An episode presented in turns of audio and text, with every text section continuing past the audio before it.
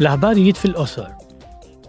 Għada l-Kumitat tal-Ambjent, is-Saħħa Pubblika u s-Sikurezza tal-Ikel se jivvota fuq abbozz tal-leġiżlazzjoni li l-għan tagħha huwa li jitħarsu aħjar l-ambjent u s-saħħa tal-bniedem mill-vjaġġi ta' skart.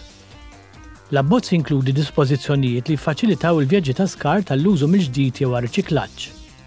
Din il-leġiżlazzjoni se tiżgura wkoll li l-Unjoni Ewropea ma tesportax l-isfidi ta' skart tagħha lejn pajjiżi terzi.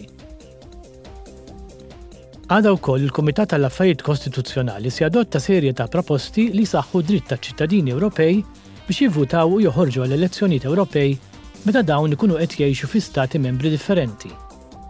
L-għan huwa li jiġu indirizzati d-diffikultajiet li jiffaċċaw iċ-ċittadini tal-Unjoni Ewropea li jiċċaqalqu minn post għal ieħor u li tiġi żgurata l-akbar parteċipazzjoni possibbli fl-elezzjonijiet tal-2024. Ilbieraħ il-Kumitat għal-Libertajiet Ċivili, Ġustizzja u l-Intern u l-Kumitat għad-Drittijiet tan-Nisa u l-Ugwaljanza bejn is-Sessi organizzaw seduta ta' smigħ konġunta bl-isem Il-ġlieda kontra t-traffikar ta' bnedmin għall-isfruttament sesswali fil-kuntest tal-gwerra kontra l-Ukrajna. Is-smigħ iffoka fuq kif rifuġjati li qed jaħarbu l-gwerra għandhom jitħarsu biex ma jsibux ruħhom vittmi ta' traffikanti tal-bnedmin jew ta' vjolenza sesswali.